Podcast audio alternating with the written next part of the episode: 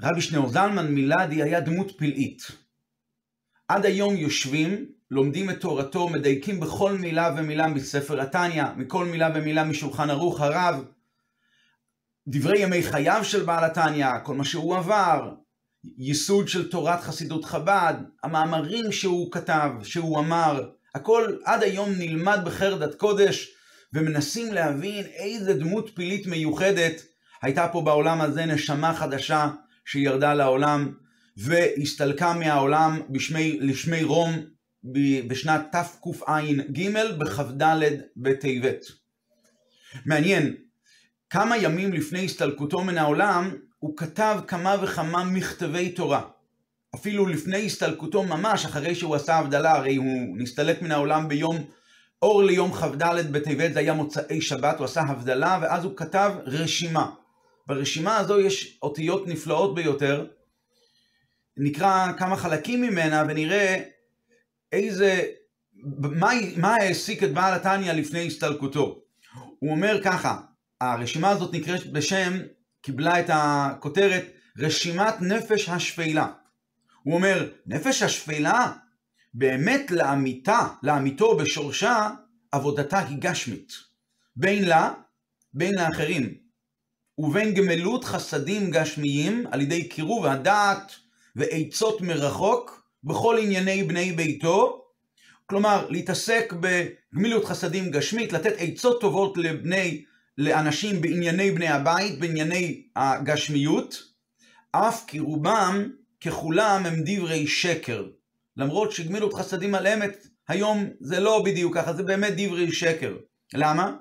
אומר, אי אפשר בעניין שייעשו החסד של אמת עד הסוף, כי, כי אמת זוהי תורה, אין אמת אלא תורה. ואמת אמר, היה ויכוח בין האמת לחסד, אמת אמר, אל יברא, שכולו שכולו מלא שקרים, כלומר כששאלו את האמת, מה, האם לברוא את אה, האדם, אז הוא אמר לא. והחסד אמר ייברא, אפילו שכולו אה, שקרים, שכולו מלא חסדים, אומר האמת. ותשלך אמת ארצה. ואז נברא העולם, ועולם בחסד שאינו של אמת, ייבנה. ובדורות הראשונים, שעיקר העבודה הייתה תורה, אז החסד היה נכלל באמת, והיה כוח, באמת, הוא מתאר כאן שהיה היה את האפשרות לכפות על החסד בגדול, בגדול המעשה, שכופין וממשכנים על פי תורת אמת. אלה מילים שטעונות באמת ביור, אבל לא כרגע. מה שאין כן בעקבות משיחה, שנפלה סוכת דוד הנופלת עד עפר, בבחינת עשייה, על העבודה העיקרית היא בלי תורת אמת משניות וברייתות, רוב החסד כיום הוא רובו ככולו שלא על פי תורת אמת בגדול המעשה, אלא פשוט יש התקרבות של הדעת העושה, יש רק את האפשרות קצת להתקרב על ידי רצונו הטוב לעשות את החסד, אפילו שבתוך תוכו החסד כיום הוא לא חסד אמיתי, אבל לעשות. הוא מטיף כאן לעשייה של חסדים, הוא אומר, וגם אם אין דרך אחת והיא שפלה, לנחמו לקבל באהבה. מילים גבוהות מאוד, זוהי רשימה שהוא כתב ממש לפני הסתלקותו. ישנה איגרת נוספת, גם היא מתעסקת בעניינים האלה, והיא אה, נתפסה בספר התניא, בסימן כ', פרק כ' בספר התניא, בחלק שנקרא בשם איגרת הקודש. היא קיבלה את הכותרת אי הוא סימן אי הוא וחיו היא חד, שם מדבר אדמו"ר הזקן גם על שני, על, על המעלה הזו של המעשה הגשמי, בעשייה גשמית. הוא מדבר שם על גודל מעלת המצוות הגשמיות, שהם תכלית ירידת, למה הירידה ירדה לעולם הזה הגשמי? בשביל לקיים מצוות גשמיות, ולמה? כי נאות תחילתן בסופם. הסוף זה העשייה, עולם הזה הגשמי, ותחילתן זה עולם האצילות. הוא אומר שמה, תחילתן זה כוח האינסוף. מהותו, שהאינסוף זה מהותו ועצמותו של המאציל ברוך הוא, ואותו דבר גם בתוך העולם הזה עצמו, אז יש את ה... יש כמה וכמה עניינים שבן אדם יכול לטפל בעולם, אבל יש את היסוד הכי נמוך בעולם, יש כמה יסודות. יסוד האש, יסוד הרוח, יסוד המים, יש יסוד האפר. ודווקא יסוד האפר, שם יש כוח הצמיחה, שהוא מעין האין סוף.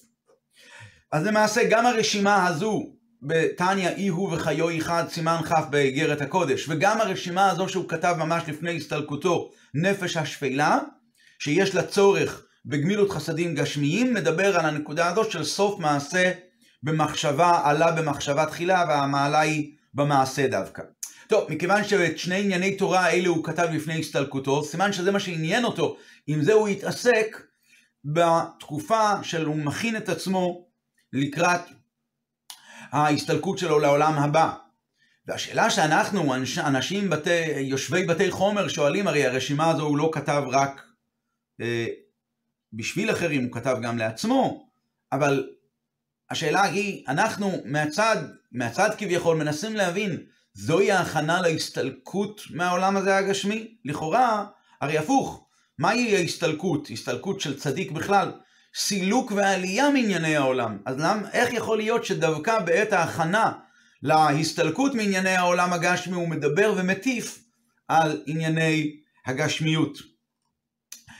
אה, שאלה נוספת על הרשימה הזו, רשימת נפש השפלה, שם הוא מסביר שיש צורך בגמילות חסדים גשמיים אשר רובם ככולם הם דברי שקר. והשאלה שנשאלת היא, חיי הצדיק הם לא חיים בשריים, הם חיים רוחניים. ככה בעל התניא כתב בעצמו אחרי פטירת רבו, רבי מנחם מנדל מהורודוק. הוא כתב שעניינים הגשמיים שקיימים אצל צדיק הם רק לצורך הביצוע של ענייני הנשמה. וככה זה היה כל משך ימי חייו בעולם הזה, על אחת כמה וכמה כאשר הוא קרוב וסמוך להסתלקותו, שם הגשמיות כשלעצמה ממש ממש לא תופסת מקום אצל הצדיק. עד כדי כך שיש סיפור שהוא שאל את הנכד שלו, אה, הוא הצביע על הקורה, והוא אמר לו, מה אתה, אומר, מה אתה רואה שם? אז הוא אומר, אני קורה, אז הנכד אמר שהוא רואה קורה. ובעל התניא אמר שהוא לא רואה קורה, הוא רואה את הכוח האלוקי שמחיה את הקורה, את דבר השם, שאומר יהי קורה, ככה הוא אומר. זאת אומרת, אז איך יכול להיות שדווקא לפני הסתלקותו, הוא דורש שאנשים יתעסקו בגמילות חסדים גשמיים, בענייני ביתו, ולא רק לקיום תורת אמת, אלא כפשוטם, פשוט עצה גשמית, לצורך לתת עצה גשמית למישהו בצור... ב... לטובת עניין גשמי, והם נראים דברי שקר. איך יכול להיות שזה ההתעסקות שלו בעולם הזה? ממש רגע, רגעים ספורים לפני שהוא מסתלק מהעולם. טוב, כדי להבין את זה, באמת נחזור רגע לנקודה הזאת של חיי הצדיק. כאמור, הם לא חיים בשריים, גם בהיותו בעולם הזה, הם חיים רוחניים, ובמכתב שהוא כותב אחרי הסתלקותו ומנחם את תלמידיו של רבי מנחם מנדל מהורדוק, הוא כותב, חיי הצדיק הם לא חיים בשריים, הם חיים רוחניים, שהם אמונה ויראה ואהבה, ולכן זה קיים גם עכשיו, גם אחרי הסתלקותו, עוד יותר מאשר בחייו, כמו שהוא מעריך באיגרת הזו. אבל ככה הוא כותב, חייו של הצדיק בעולם הזה הם לא חיים בשריים. איך... והשאלה שנשאלת היא, קיום מצוות הוא צריך להיות ואפשרי רק באמצעות הגוף הגשמי.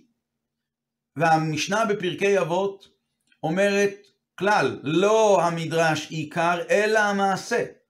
אז איך אומרים שחיי הצדיק פה בעולם הם לא חיים בשריים, אלא חיים רוחניים של אמונה ויראה ואהבה? וההסבר הוא שאצל הצדיק הקיום של המצוות שלו הוא לא עניין נפרד מהרוחניות שלו, מהאמונה והיראה והאהבה שיש לו לקדוש ברוך הוא, אלא זה נובע, הקיום של המצוות, מצוות עשה, נובע כתוצאה מהאהבה הגדולה שיש לו להשם, והקיום מצוות לא תעשה, זה תוצאה וסיום של יראת השם. הכל מבוס, והכל מבוסס על אמונת השם. אז יש לו אמונה, אהבה, יראה ואמונה, שזה למעשה מניע אותו בסופו של דבר לקיים את המצוות פה בעולם הזה. והעניין הזה שמה, להפך, אז המעשה הוא העיקר, דווקא מבטא הרבה יותר בגלוי את העבודה הרוחנית שלו. מכיוון שיש לו אהבה עצומה לקדוש ברוך הוא, ויש לו רצון להידבק בקדוש ברוך הוא באמת. אז הוא יודע שהדרך היחידה להידבק מהקדוש ברוך הוא היא רק על ידי, לא על ידי התשוקות שלו והרצונות שלו, אלא הוא יודע, הדרך היחידה להידבק באהובו, בקדוש ברוך הוא, היא איך שהקדוש ברוך הוא מגלה את עצמו, וזה דווקא על ידי המצוות. כי המצוות הן רצונו של הקדוש ברוך הוא, על ידי זה יש השראת השכינה פה בעולם, וזה כמה שיהיה רגש של בן אדם כלפי הבורא, יהיה הרגש הכי נפלא שיכול להיות, זה רגש של נברא. ורגש של נברא לא יכול להידבק על אמת בבורא. הדרך היחידה, מכיוון שהמרחק בין הבורא לנברא הוא מרחק אינסופי, הדרך היחידה להידבק בו, בבורא, היא רק על ידי מה שהוא מגלה, וזה על ידי המצוות, ולכן להפך, האהבה שלו להשם דורשת שהוא יעסוק בקיום המצוות. ולכן כשאומרים אמונה, חיי הצדיק אינם חיים בשריים כי אם אמונה, אהבה ויראה, האמונה שלו, האהבה והיראה הם הם הדורשים שהוא יעסוק בקיום המצוות ולימוד התורה. ולכן המצוות המעשיות שנעשות על ידי הגוף הגשמי, שהגוף יכול לנענע לולב ולהניח תפילין ולקיים מצוות עונג שבת, המצוות האלה שהם כדי לבצע את הכוונה האלוקית שרצה הקדוש ברוך הוא, נתאווה להיות לו משכן, שהעולם הזה פה הגשמי יהיה משכן ודירה לא יתברך, אז זה נעשה בצורה כזו שהצדיק למעשה הופך את הגוף הגשמי שלו לכלי לרוחניות של השראת השכינה, ועד שהכלי הזה עצמו הוא כל כך הכרחי, אז כבר אין לו מציאות מצד עצמו, כל ענייני הגוף הם נטו כדי לבטא את הכוונה האלוקית ואת השראת השכינה על גופו הגשמי, ולהביא את השכינה פה לעולם. אז זה למעשה הביטוי, חיי הצדיק אינם חיים בשריים, כי אם חיים של אמונה, יראה ואהבה. ואז, רגעים לפני הסתלקותו, כמה ימים לפני הסתלקותו, הוא כותב איגרת. ובאיגרת הזו הוא, הוא, הוא קורא לה אי הוא וחיו אחד. הוא וכוחותיו אחד, מדבר שם על הספירות העליונות, ושם באיגרת הזו הוא אומר שבמצוות המעשיות יש עניין עוד יותר נעלה. ולכן יש גודל מעלת המצוות המעשיות הוא בגלל שכוח האינסוף נמצא דווקא בגשמיות. והעניין הזה, זה לא בגלל שהדבר הגשמי שבו מקוימת המצווה הוא נעשה כלי לרוחניות, כלי להשראת השכינה. לא, לא שזה עוזר לי להיות, להביא השראת השכינה פה בעולם, אלא להפך, בגשמי, ביש הנברא, שנברא בדברים שהם בעלי גשם, דברים שיש להם אה, בחוש המישוש, יש להם ארבע קצוות, יש להם שש קצוות, יש להם כוח שבו אפשר למשש אותם, לעשות אותם בגשמיות, בגשמיות עצמה, בכל דבר גשמי שהוא בר מישוש, בעצם, לכאורה, אנחנו מסתכלים על הגשמי, הוא לא מבטא שום דבר כי אם את עצמו, הוא משקף את עצמו. יש לו מציאות לכשעצמו. שם באיגרת הזו הוא מסביר שזה היא-היא הנותנת.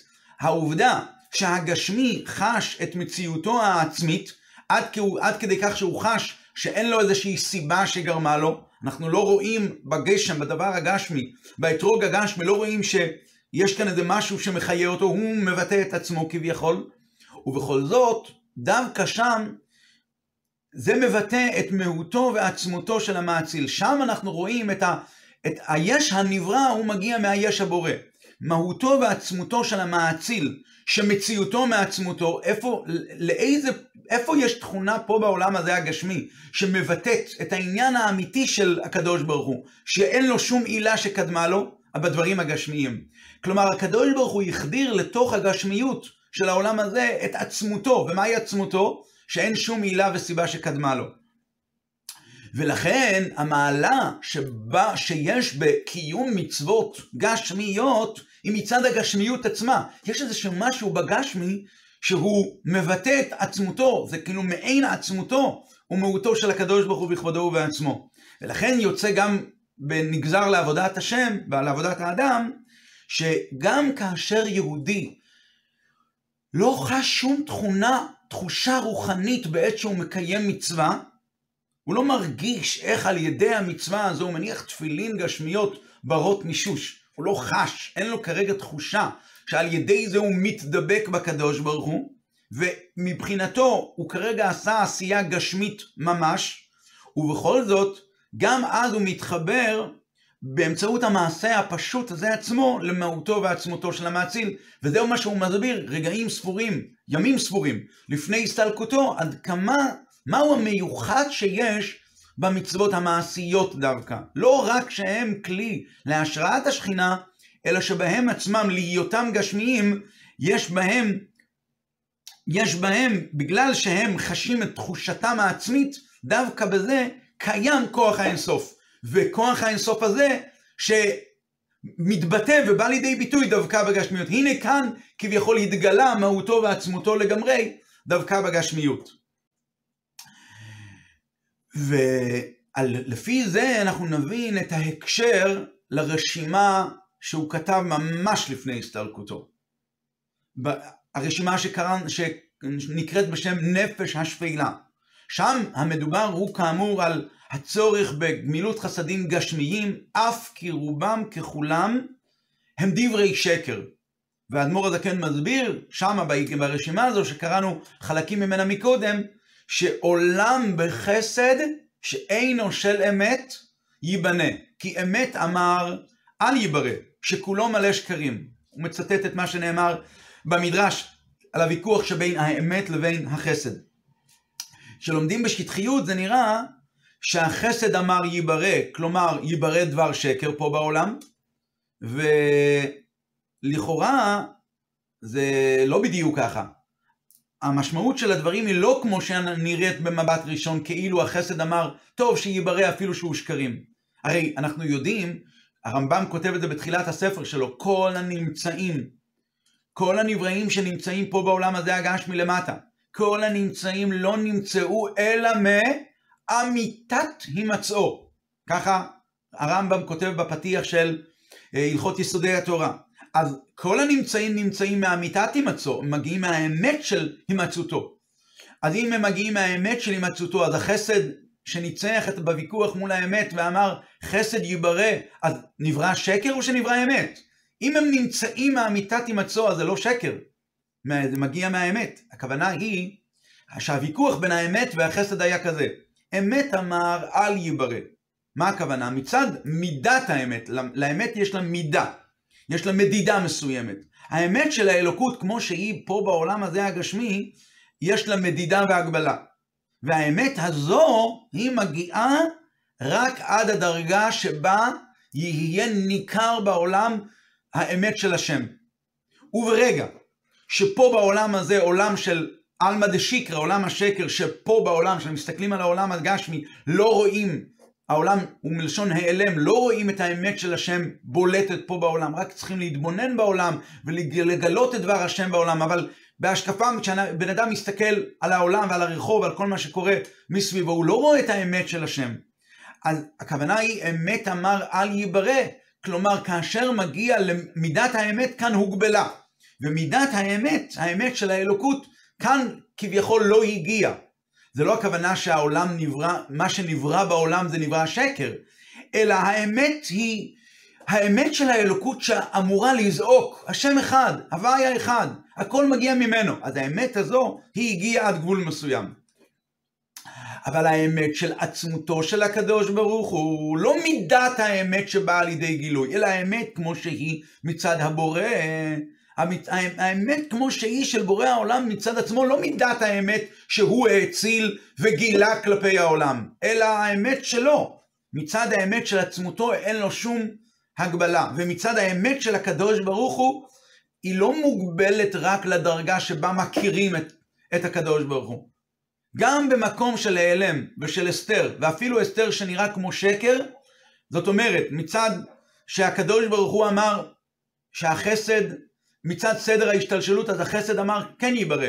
ונברא עולם שהוא עולם שנראה עלמא דשיקרא, עולם שלא מבטא את האמת האלוקות, אבל מהי האמת? מהי האמת והפנימיות?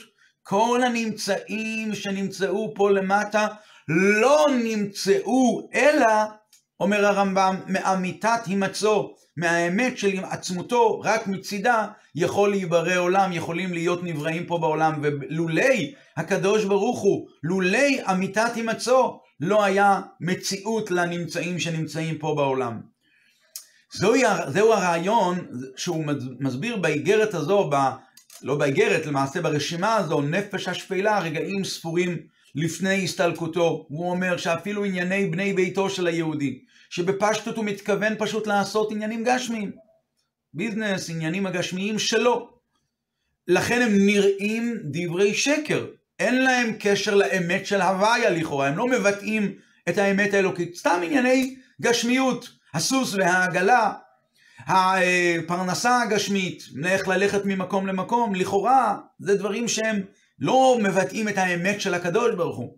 ובכל זאת, למרות שהם נראים כדברי שקר, גם הגשמיות הזו היא מגיעה מאמיתת הימצאו, מהיותו של הקדוש ברוך הוא פה, מזה שיש בורא לעולם, רק מצד זה יש להם מציאות. וזה מתבטא בעובדה שלמרות שהיהודי חש רק בגשמיות של ענייני העולם הזה, כאשר הוא מנצל אותם בפועל, ללא התחושה אפילו הרוחנית, אבל בפועל הוא מנצל אותם לצורך טוב ולקדושה, אומר האדמו"ר הזקן ברשימה הזו, לנחמם בכפליים, שיעשה את זה עם רצון טוב, אם בפועל לעשות את זה עם רצון טוב לצורך הקדושה, ואז זה יהיה, אה, אה, ואז זה יהיה, יבטא את האמת של, של, של אמיתת הימצאו, האמת של הקדוש ברוך הוא, יותר גבוה מאשר מידת האמת, ומזה נובע למעשה ההוראה הזאת של בעל התניא, שצריכים לעסוק בגשמ... בגמילות חסדים גשמית, ולתת עצות מרחוק בכל ענייני בני ביתו של חברו, מבלי להתערב בכוונות שלו, איך בדיוק הוא מתכוון להתעסק כוונותיו של היהודי האחר, מה הוא בדיוק עושה עם הגשמיות הזאת, כי גם הגשמיות הזו, שנראית כמו דברי שקר, באמת היא קשורה עם אמיתת הימצאו. העניין הזה, שגם העולם הזה הגשמי, השקרי לכאורה, נובע באמת מאמיתת הימצאו של הקדוש ברוך הוא, העניין הזה מתבטא, בא לידי ביטוי פה בעולם, בעיקר באחת המצוות החשובות, במצוות התשובה, בעבודת התשובה. דיברנו על זה שהשקר של העולם הזה הוא באמת שקר שנראה כלפי חוץ כשקר. יש לו שורש, מה השורש שלו? זה נקרא בשפת הקבלה והחסידות שלוש קליפות הטמיות. שיש שם למעשה חיות אלוקית, שמאירה ומחיה אותם, אבל זו חיות אלוקית כל כך נעלמת, כל כך נסתרת, שאין את האפשרות לברר ולזכך את זה. ולכן, בנוג... בשונה מקליפת נוגה, שיש אפשרות להעלות אותה איכשהו לקדושה, כי היא לא כל כך חשוכה, שלוש קליפות הטמיות של העולם שנמצאות פה בעולם הזה, החיות האלוקית נסתרת ונעלמת לגמרי. יש דרך אחת להעלות ולברר את זה לקדושה, שלוש קליפות הטמעות, על ידי תשובה. הגמרא אומרת, כאשר יהודי עושה תשובה מאהבה, זדונות נעשו לו כזכויות. כלומר, על ידי, על ידי התשובה שיהודי עושה, פתאום מתגלים אותם ניצוצות קדושה שמחיים ונותנים חיות ואנרגיה לאותם דברים שהם ההפך המוחלט מהקדוש ברוך הוא, ההפך המוחלט מהרצון העליון. וזה קורה רק על ידי התשובה, ולמה? כי התשובה היא מגיעה ומעוררת את עצמותו כביכול של הקדוש ברוך הוא.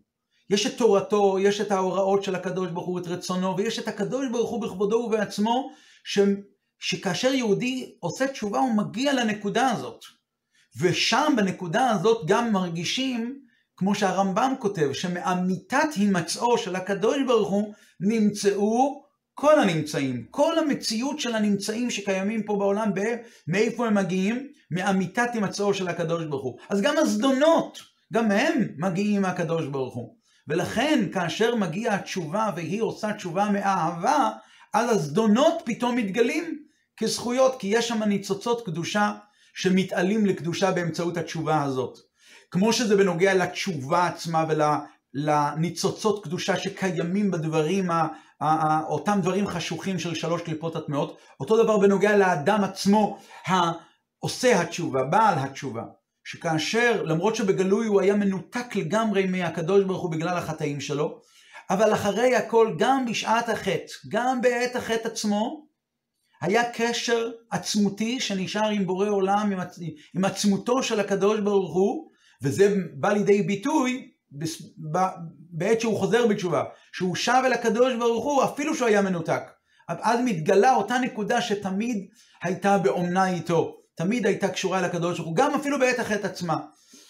ומהסיבה הזו, גם הנקודה הזאת שאמרנו שיש מעלה ביש הנברא שלכאורה הוא מבטא את, עצ... את עצמו, אבל בעצם הוא מגיע מהיש האמיתי, כי רק מהיש האמיתי יכול להיות ולהתהוות יש נברא, וזה למעשה הגשמיות של עולם הזה, זוהי המעלה שאותה מבאר בעל התניא אה, אה, בסוף אה, ימי חייו, באיגרת הזו שהוא כתב באי ובחיו אחד, וגם ברשימה הזו שהוא כתב לפני הסתלקותו. כי פה למעשה, למעשה מתבטאים העניינים האלה דווקא בעניינים של תשובה. ועכשיו נבין עוד יותר למה זה הגיע דווקא, הרעיונות האלה הם רעיונות שהם היו נכונים לכל ימי חייו. למה זה הגיע דווקא, בא לידי גילוי אה, ערב הסתלקותו מהעולם הזה.